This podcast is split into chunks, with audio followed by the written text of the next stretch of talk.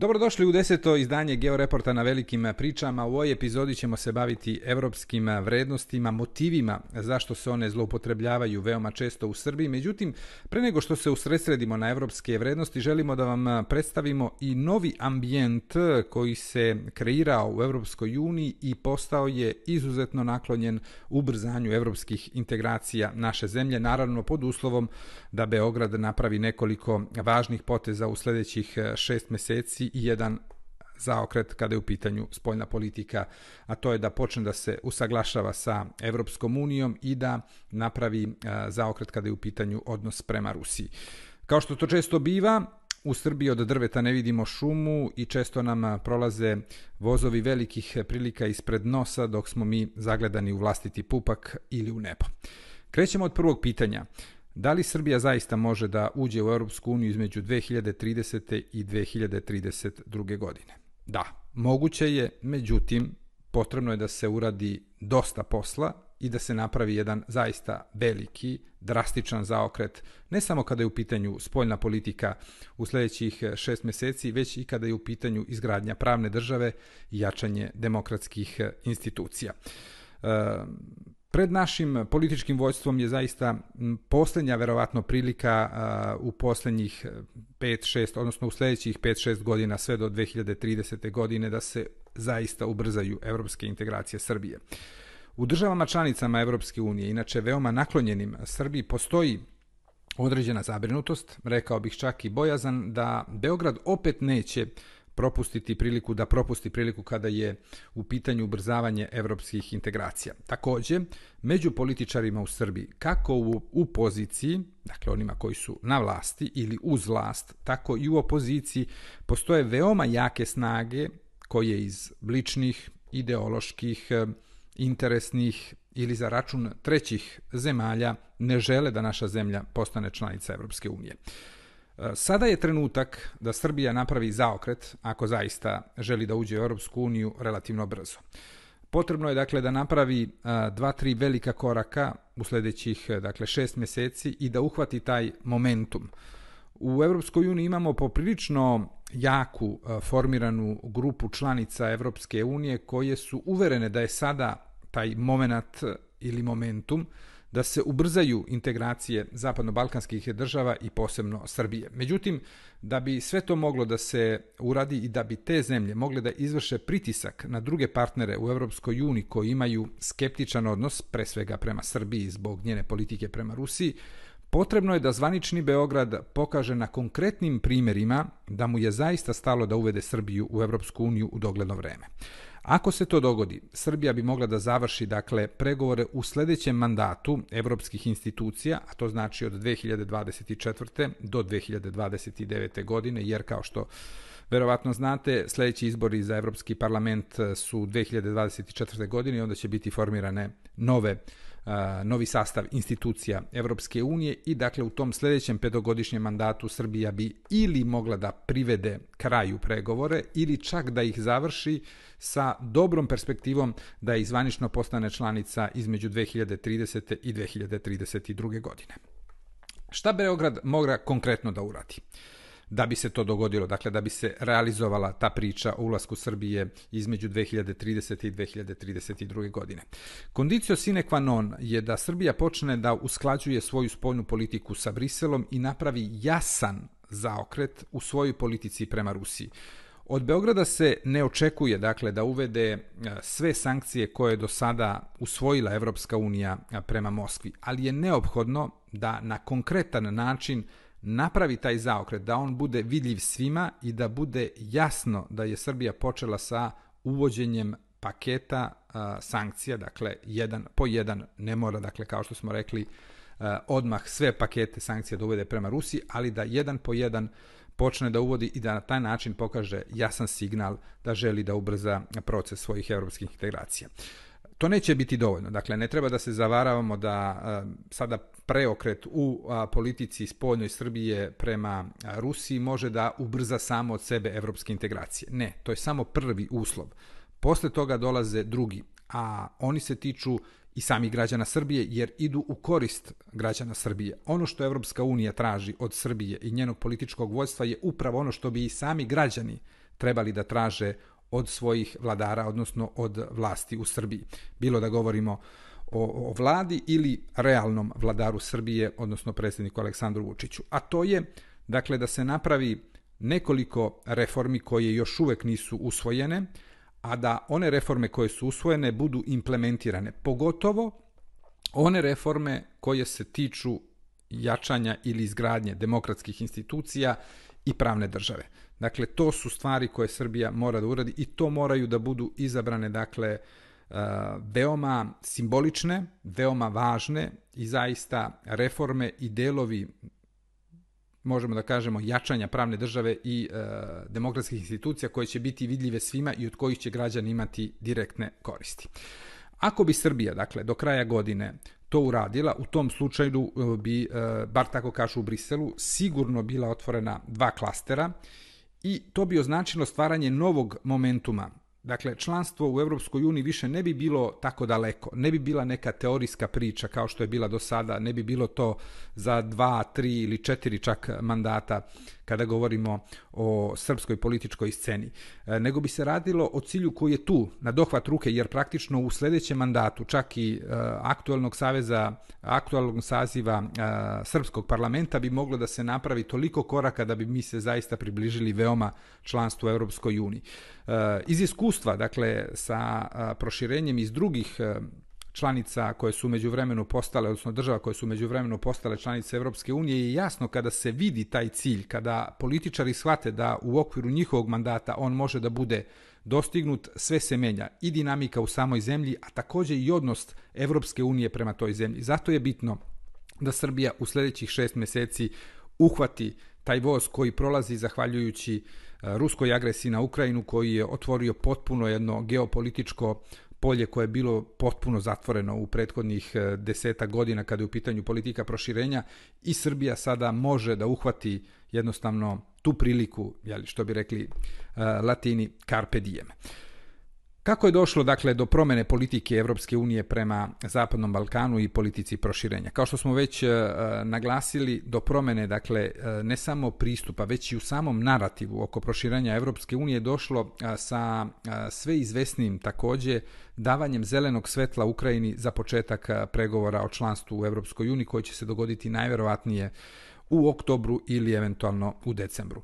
E, tu u igru, dakle, ulaze države e, članice Evropske unije koje pored snažnog impulsa koje žele da daju Ukrajini, one imaju nameru da nešto konkretno daju i državama Zapadnog Balkana, pre svega Srbiji. Međutim, kao što smo prethodno rekli, da bi se to dogodilo, neophodan je i impuls iz samog regiona, odnosno iz Srbije. Još nije e, definitivno formulisana, možemo da kažemo, strategija za, između znaka navoda, bustovanje politike proširenja, jer pojedine zemlje članice još uvek kalkulišu sa hodom Ukrajine ka članstvu u Europskoj uniji, ali smo veoma blizu tog momenta, jer puzzle se ubrzano sklapa i e, građani Srbije će platiti visoku cenu ako njihove političke elite ne uhvate i ne iskoriste ovu šansu koja im se iznenada ukazala da ubrzaju proces evropskih integracija Srbije. U Europskoj uniji e, su se u grubim crtama, možemo da kažemo, kreirale dve grupe zemalja po pitanju proširenja Zapadnog Balkana, odnosno na Zapadni Balkan. E, jedna grupa, kolokvijalno možemo da je nazovemo geopolitička, je zato da se sve države Zapadnog Balkana, ili barem one koje žele i pokazuju jasnu želju da žele što pre da uđu u Europsku uniju, što pre uvedu u samu EU pošto se veruje da bi ubrzanje integracija imalo snažan uticaj na transformaciju institucija unutar tih država, kao što je to bio slučaj sa Hrvatskom, i to bi takođe učinilo da sa geopolitičke tačke gledišta Evropska unija postane mnogo jača i kredibilnija u planetarnim okvirima. Druga grupa zemalja je mnogo opreznija i ne želi da se e, preduzimaju iskitreni e, potezi, niti da se menja takozvani meritokratski e, pristup u procesu proširenja zasnovan na ispunjavanju uslova. Oni tvrde da Evropska unija mora da bude realna, jer osim deklarativnog izjašnjavanja za Evropsku uniju, političke elite u regionu, dakle ne samo u Srbiji, nemaju dovoljno jaku želju i volju da usvoje i sprovedu ozbiljne reforme, usklade ustave, e, realizuju nekoliko mirnih i bez trauma e, promena vlasti da bi se jednostavno kvalifikovale za članstvo u Europskoj uniji. Barjaktar takvog pristupa je Francuska, zajedno sa Holandijom i nordijskim zemljama i Beograd bi morao, zajedno sa drugim zapadno-balkanskim državama i prijateljima u Europskoj uniji, da osmisli zajednički nastup kako bi pre svega ubedili Pariz da promeni stav. Dok u onoj prvoj, da tako kažemo, geopolitičkoj grupi, kako smo je e, na, oslovili ili krstili, se nalaze Nemačka, Italija, Španija i dobar deo evropskih zemalja iz centralne i istočne Evrope. E, slikovito rečeno, u toku je borba dakle između zagovornika bržih evropskih integracija Zapadnog Balkana u kontekstu dakle geopolitičkih ciljeva Evropske unije i kočničara koji zbog nedovoljno izražene političke volje da se ubrzaju reforme i uspostavi funkcionalna pravna država razmišljaju i o drugim vidovima vezivanja država regiona, odnosno Zapadnog Balkana za Evropsku uniju i takođe te zemlje, Francuska u prvom redu, smatraju da je kondicio sine qua non usvajanje reformi u Evropskoj uniji, pogotovo onih koji se tiču načina odlučivanja i o tome ćemo pričati nešto kasnije. Da li, dakle, Brisel ima alternativu za članstvo zapadno-balkanskih država u Evropskoj uniji? Odgovor je još uvek nema, ali se radi na tome. Kompromisno rešenje bi moglo da bude relativno, a, relativno brza integracija zapadno-balkanskih država u jedinstveno tržište Evropske unije, što bi državama regiona omogućilo i pristup evropskim fondovima. Međutim, ni integrisanje regiona u jedinstveno tržište nije jednostavan, a još manje lak posao. Da bi se realizovao taj cilj, potrebno je da zapadno-balkanske zemlje usvoje i implementiraju evropske vrednosti i da stvore mehanizme za njihovu zaštitu. Reč je dakle o efikasnim demokratskim institucijama i pravnoj državi koja bi se efikasno borila protiv organizovanog kriminala, suzbijala pranje prljavog novca, korupcije i zloupotrebe položaja. Jednostavno, Evropska unija ne može da uključi zemlje Zapadnog Balkana u jedinstveno tržište ako to sa sobom donosi korupciju, pranje prljavog novca, zloupotrebu položaja, upliv organizovanog kriminala i snižavanje standarda zbog kojih je zbog kojih bi trpelo dakle e, čitavo jedinstveno tržište, a to znači 450 miliona ljudi koji ga čine.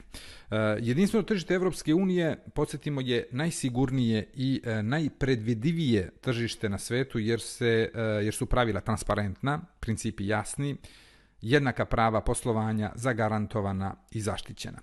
Zbog toga je tržište Evropske unije mnogo poželjnije od američkog ili azijskog za srednjoročne i dugoročne investicije, što posledično garantuje razvoj i rast državnog, odnosno društvenog bruto proizvoda u svim državama članicama koje e, čine jedinstveno e, tržište. Takođe, to objašnjava i zašto je neophodno da tržište bude zaštićeno od toksičnih uticaja koji bi mogli da stignu sa Zapadnog Balkana.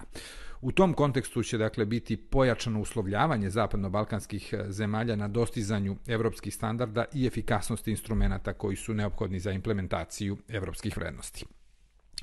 Reforma načina glasanja u Evropskoj uniji i e, kakve e, ona može da ima posledice na proširenje na Zapadni Balkan. Reforma koja predviđa dakle e, prelazak na odlučivanje kvalifikovanom većinom u oblasti spoljne politike i bezbednosti je jedna od najvažnijih i najtežih za sprovođenje jer imamo čitav ešalon država članica Evropske unije koje ne žele da se odreknu prava veta koje trenutno imaju. Među njima su uglavnom članice Evropske unije koje podržavaju proces proširenja i pogotovo one zemlje koje su najveći advokati Ukrajine za njeno članstvo u Evropskoj uniji i u Severnoatlantskoj alijansi. S druge strane, mi ne treba da se zavaravamo. Dok ta reforma ne bude bila usvojena, teško je poverovati da će biti novih proširenja Evropske unije. E, pitanje odlučivanja e, kvalifikovanom većinom u EU je toliko senzibilno da je ono jedno od pet, možemo da kažemo, najvažnijih na agendi Evropske unije u sledećem petogodišnjem mandatu od 2024. do 2029. godine. Nemačka je sa Francuskom pokrenula prošlog meseca takozvanu grupu prijatelja za donošenje odluka kvalifikovanom većinom i to će u dobroj meri promeniti dinamiku odlučivanja unutar same Evropske unije i dati novi zamah i procesu proširenja. Pored Berlina i Pariza, među prijateljima glasanja kvalifikovanom većinom su Rim, Madrid, Hag, Brisel, Luksemburg, Ljubljana i Helsinki, dakle sve države članice Evropske unije koje su je osnovale, plus Španija, Finska i Slovenija. Slučaj Mađarske i posljedice na Zapadni Balkan. Dakle, prošlog mjeseca nije samo došlo do formiranja tog kluba država koje podržavaju i bore se za kvalifikovano, kvalifikovanu većinu, odnosno način odlučivanja koji bi bio sa kvalifikovanom većinom u EU po pitanjima spoljne politike i bezbednosti, već je Prošlog mjeseca napravljen i veliki presedan zbog toga što je 15 država članica stalo uz evropske institucije koje su pokrenule postupak protiv Mađarske pred sudom Evropske unije zbog nepoštovanja osnovnih evropskih vrednosti. Od poštovanja ljudskih prava i sloboda do pravne države. Uz Europsku komisiju i Europski parlament stoje u postupku sve zemlje koje su ušle u Europsku uniju u prethodnom veku osim Italije, dok su sve bivše komunističke zemlje stale uz Mađarsku izuzev Slovenije. I Italija je, da kažemo, bila na strani e, starih članica Europske unije sve do promjene vlade, odnosno dok je Mario Draghi bio premijer, Italija je bila na jednoj strani protiv Mađarske sa Giorgio Meloni, to se promenilo i Italija je zauzela možemo da kažemo, e, neutralnu poziciju. E, Budimpešta je, podsjetimo, na optuženičkoj klupi jer je Orbanov Fides usvojio u parlamentu zakon e, koji diskriminiše LGBTQ zajednicu. Holandski premijer Mark Rutte je bez mnogo okolišanja na posljednjem samitu Evropske unije pitao direktno Orbana ako vam se ne sviđaju europske vrednosti, zašto ne izađete iz Evropske unije? Naravno, Erdogan je prešao preko tog pitanja jer svi znaju zbog čega on ostaje u Europskoj uniji, nisu u pitanju europske vrednosti, već je u pitanju europski novac, odnosno europski fondovi. Fundamentalne vrednosti i demokratski standardi su još uvek, možemo da kažemo, u srži rasprava o budućnosti Europe i Europske unije. Eh, jednostavno eh, ta rasprava se nastavlja, ona se neće zaustaviti i eh, sada se ubrzava dodatno jer se traži način kako da se suspenduju sredstva iz europskih fondova, posebno kohezivnih fondova za Mađarsku zbog nepoštovanja europskih vrednosti. Kada bude bio pronađen mehanizam za suspenziju sredstava za države članice Europske unije, onda će e, taj isti princip e, gotovo istovremeno biti primijenjen i na države kandidate za članstvo u Europskoj uniji, dakle i države koje su u procesu pregovaranja neće imati pristup europskoj e, pomoći, europskim fondovima ako ne budu poštovali europske vrednosti i principe pravne države. E sada kad smo već pričali o europskim vrednostima, o pravnoj državi, o demokratskim institucijama, da vidimo šta su to evropske vrednosti. E, Maastriški ugovor taksativno nabraja evropske vrednosti. Poštovanje ljudskog dostojanstva, sloboda, demokratije, e, društvena jednakost, pravna država, ljudska prava i prava manjina. To su dakle evropske vrednosti. Temelj modernih evropskih vrednosti se bazira na idejama evropskih prosvetitelja, uglavnom Engleza, Francuza, i Nemaca, od Johna Locke preko Voltera, Montesquieu, Diderota, Rousseau, pa sve do Immanuela Kanta. I upravo je Kantov moralni koncept kategoričkog imperativa vezan za ljudsko dostojanstvo srž uh, prve evropske vrednosti, dakle poštovanja ljudskog dostojanstva, a ona je osnov svih ostalih fundamentalnih prava koje garantuje Evropska unija svojim građanima. Sloboda kao evropska vrednost podrazumeva čitav spektar individualnih sloboda koje idu od dakle slobode kretanja, poštovanja prava privatnosti, veroispovesti, okupljanja, do prava mišljenja, političkog delovanja, izražavanja i naravno slobodu informisanja. Demokratija predstavlja vrednost koja sa sobom nosi politička prava svi imaju pravo da biraju i da budu birani tamo gdje su rođeni ili tamo gdje imaju mesto prebivališta. Zemlje koje poštuju evropske vrednosti su liberalne reprezentativne demokratije. I kao što to mnogi kažu, ako demokratija nije liberalna, onda nije demokratija, onda je nešto drugo. Društvena jednakost znači da su svi građani jednaki pred zakonom. Ona podrazumeva i apsolutnu jednakost u pravima žena i muškaraca. Sve evropske politike moraju da se baziraju na poštovanju jednakog tretmana žena i muškaraca, uključujući i paritet u retribuciji e, kada su u pitanju plate za iste poslove i funkcije između muškaraca i žena. Pravna država. Pravna država je noseći stub evropskog sistema vrednosti. Sva prava proizilaze iz ugovora i sporazuma koje su države članice Europske unije slobodno i na demokratski način potpisali. Dakle, članice Europske unije su prenele nadležnost na sud Europske unije, čije su presude konačne i moraju da se poštuju i da se sprovode.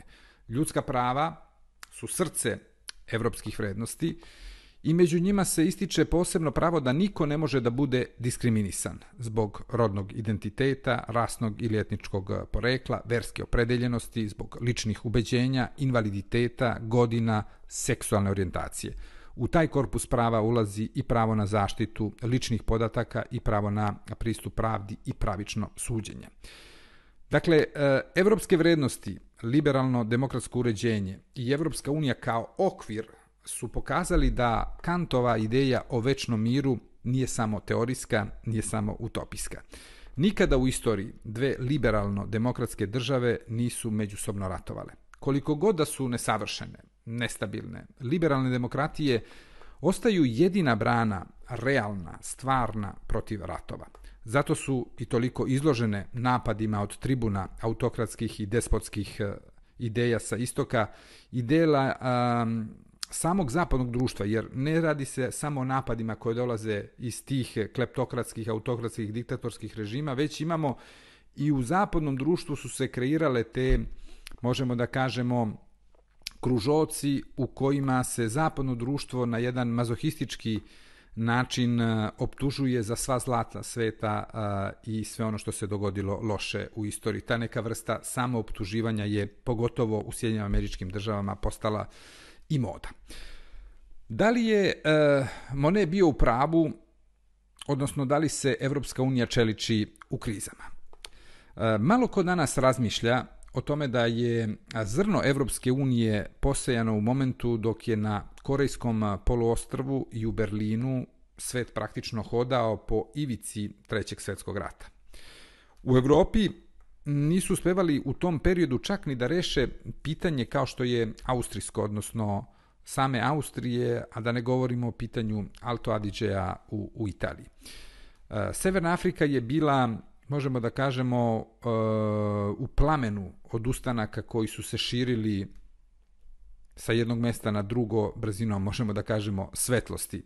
Jednostavno, ceo svet koji je do tada postojao i koji su činile kolonijalne sile je nestajao. Francuska i Velika Britanija nisu samo poražene, već su i ponižene u takozvanom, odnosno u takozvanoj suetskoj krizi. U takvom ambijentu, dakle, je rođena današnja Evropska unija. Takođe, se podcenjuje činjenica da su današnju Evropsku uniju izgradili vekovni protivnici koji su, možemo da kažemo, proizveli stotine ratova u prethodnim vekovima, i da su i onda ti isti evropljani, dakle koji su se konačno pomirili posle nekoliko vekova, proširili sa dojučerašnjim neprijateljima iz hladnog rata. Dakle, bilo je i bit će sigurno kriznih momenta u Europskoj uniji. U to nema nikakve sumnje. E, podsjetimo da je De Gaulova Francuska primjenjivala politiku prazne stolice, e, jednostavno praveći krizu u Europskoj uniji tokom 60. godina. Pola veka pre nego što će Macron govoriti o cerebralnoj smrti Severnoatlantskog, Severnoatlantske alijanse, Hans Dietrich Genscher, nemački šef eh, diplomatije, definisao je stagnaciju u evropskim integracijama kao evrosklerozu. I tu sklerozu su uspešno izlečili upravo njegov kancelar Helmut Kohl i francuski predsjednik François Mitterrand, naravno, zajedno sa ostalim liderima Evropske unije i sa Jacques Delorom, tadašnjim čelnikom Evropske komisije usvajanjem šengenskog sporazuma i jedinstvenog evropskog akta s kojim su praktično postavljeni temelji za jedinstveno tržište koje je zaista razlog zbog čega je Evropska unija danas najpoželjnije mesto za život na planeti. Zahvaljujući, e, možemo da kažemo, Evropskoj uniji, danas nemamo na hiljade carinskih i graničnih prelaza na kontinentu. Sve evropske ekonomije imaju nemerljive benefite od slobodne cirkulacije roba, ljudi, usluga. E, nekoliko stotina miliona e, turista sa ličnom kartom e, može da putuje od Laponije pa do južnog Portugala i od Galveja u Republici Irskoj pa sve do Larnake na Kipru.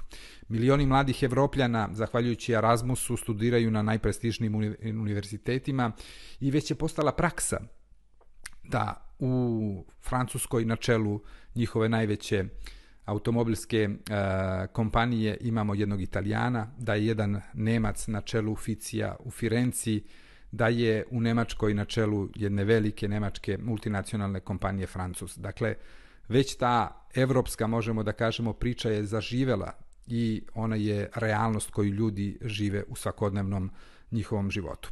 E, uz to, evro je postao posle dolara moneta koja se koristi najviše za devizne rezerve ili za ličnu štednju, jer se mnogo više veruje evru nego domaćoj valuti i mi u Srbiji nešto o tome znamo. Nigde u svetu ne postoji tako kapilarna i efikasna zaštita okoline, tako pouzdana sigurnost kvaliteta i ispravnosti hrane sa transparentnim prikazom porekla i sastava svakog proizvoda, iako se neko uh, na tu temu šalio kao bivši britanski premijer Boris Johnson koji je izmišljao tekstove o tome kako Evropska unija želi da uh, napravi, uh, odnosno da nametne pravilo koliko treba da bude zakrivljena banana ili krastavac. I nigde što je jako važno za mlade roditelje, standardi za prodaju dečjih igračaka nisu tako visoki i tako rigidni kao u Evropskoj uniji i možemo na kraju krajeva da nastavimo do sutra da govorimo o benefitima i prednostima članstva u Evropskoj uniji. Međutim, najveću grešku i sami evropljani i evropski političari prave kada jedan veliki i par excellence politički projekat kakav je Evropska unija pretvore u tehničko-birokratsko-ekonomski program u kome građani Evropske unije ne mogu da se e, prepoznaju, a kamoli e, da se sa njim identifikuju. Što bi rekao bivši predsjednik Evropske komisije Jacques Delors, ne može da se voli jedinstveno tržište. Ali nema razloga za paniku. Uh, identitet i vrednosti Evrope su toliko duboki, toliko snažni uh, da je njen uh, grčko-rimski bagaž, jevrejsko-hrišćansko nasledđe uspelo, istina, bilo je potrebno puno vremena, vekovi su bili potrebni da jednostavno ono samo odoli i da civilizuje horde germanskih, romanskih, slovenskih plemena, navodeći ih da se identifikuju sa latinskim i vizantijskim svetom sa uspehom i da upravo to postane i deo našeg zajedničkog nasleđa u Evropi. Zašto su u Srbiji, e, zašto se u Srbiji u stvari zloupotrebljavaju evropske vrednosti? E, borba protiv evropskih vrednosti u našoj zemlji je u suštini borba, možemo da kažemo, protiv približavanja i članstva Srbije u Europskoj uniji. Dakle, radi se o jednoj e, politički motivisanoj akciji koja traje već decenijama. Po pravilu evropske vrednosti se zlonamerno mešaju sa neoliberalizmom i globalizacijom ili se apostrofiraju kao zapadne vrednosti kada se želi sakriti veoma rašireni antiamerikanizam koji ne postoji samo u Srbiji, već je veoma prisutan i u drugim evropskim e, državama. Antievropsko i antizapadno raspoloženje ima duboke korene. Ne treba zaboraviti da su fašizam, komunizam, jedna struja u katoličkoj crkvi, struja u pravoslavnim crkvama, e, su suštinski antievropske i direktno su prostavljene evropskim vrednostima kao i e, njihovi direktni ili indirektni politički i ideološki e, naslednici. Svima njima je glavni neprijatelj građanin i individualizam, jer e, se e, na taj način e, oni predstavljaju najveću branu za bilo koju vrstu despotije ili kolektivizma, jer despotije ili bilo kog autokratskog režima ili diktatorskog nema bez kolektivizma i zato dolazi do tog sudara između individualizma i kolektivizma, odnosno da li se baziramo na građanima ili se baziramo na narodu, na masi, na naciji. I mnogo je lakše naravno manipulisati sa širokim narodnim masama, sa nacijom, nego sa građaninom koji je nosilac svih prava, a naravno i obaveza. U poslednjih nekoliko decenija u e, Evropu i Ameriku su stigle, možemo da kažemo, velike sume ruskog i kineskog novca, što legalnim, što ilegalnim kanalima u džepove brojnih e, političkih lidera, intelektualaca, novinara, preduzetnika, takozvanih opinion makera.